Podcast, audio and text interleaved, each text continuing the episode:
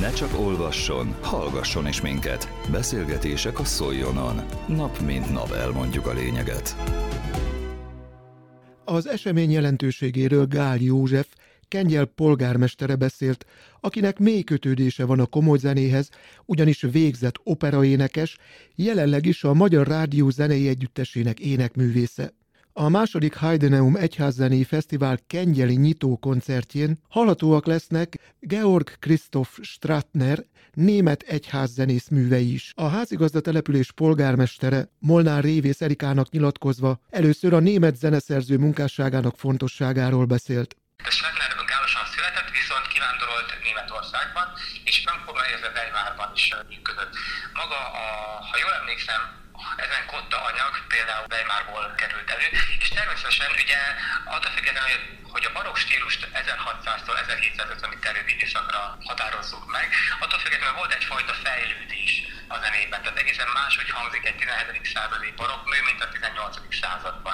században megírt zenedarabok, és egyszerűen a zenei ízlés miatt később ezek a művek elavultnak számíthattak, és emiatt kiestek a repertoárból, miközben viszont különböző zenei enciklopédiák úgy határozzák meg Stratner egyes darabjait, amelyek úttörő jelleget bírtak, például a passió műfajának elütése szempontjából. Tehát egyszerűen csak a zenézés változása miatt estek ki, feledésbe merültek ezek a művek, és ilyen szempontból is nagyon fontos Heidenernek a tevékenysége, ugyanis egyrészt azt el kell mondani, hogy a Széchenyi könyvtárban egy óriási mennyiségű zenei anyag vár még feldolgozásra, ez tényleg egy európai szintű kuriózum, illetve egy elképesztő jelentőséggel bír ez a újonnan felfedezett zenei anyag. Többek között például Mozart autográfokat, tehát Mozart kéziratokat is találtak ebben a zenei anyagban, tehát fantasztikus, hogy milyen kincsek találhatók itt Budapesten, vagy Magyarországon, illetve ki, ki kell a különböző főóri, illetve egyházi tartások könyvtárait is. Hát sajnos, hogy a második világháború ezeket megtépázta,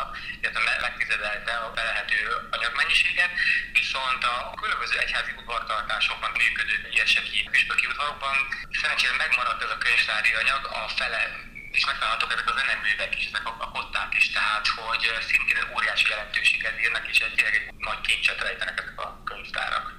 Akik ezeket a különleges darabokat meg szeretnék hallgatni, mikor és hova menjenek Kengyelre? A maga a koncert az 8-án, azaz csütörtökön fog, június 8-án csütörtökön fog megrendezésre kerülni, és 6 órakor kezdődik a Jézus Szíve Katolikus templomban. Molnár Révész Erika Gál Józseffel, Kengyel polgármesterével beszélt. Közélet, politika, bulvár. A lényeg írásban és most már szóban is. Szóljon a szavak erejével!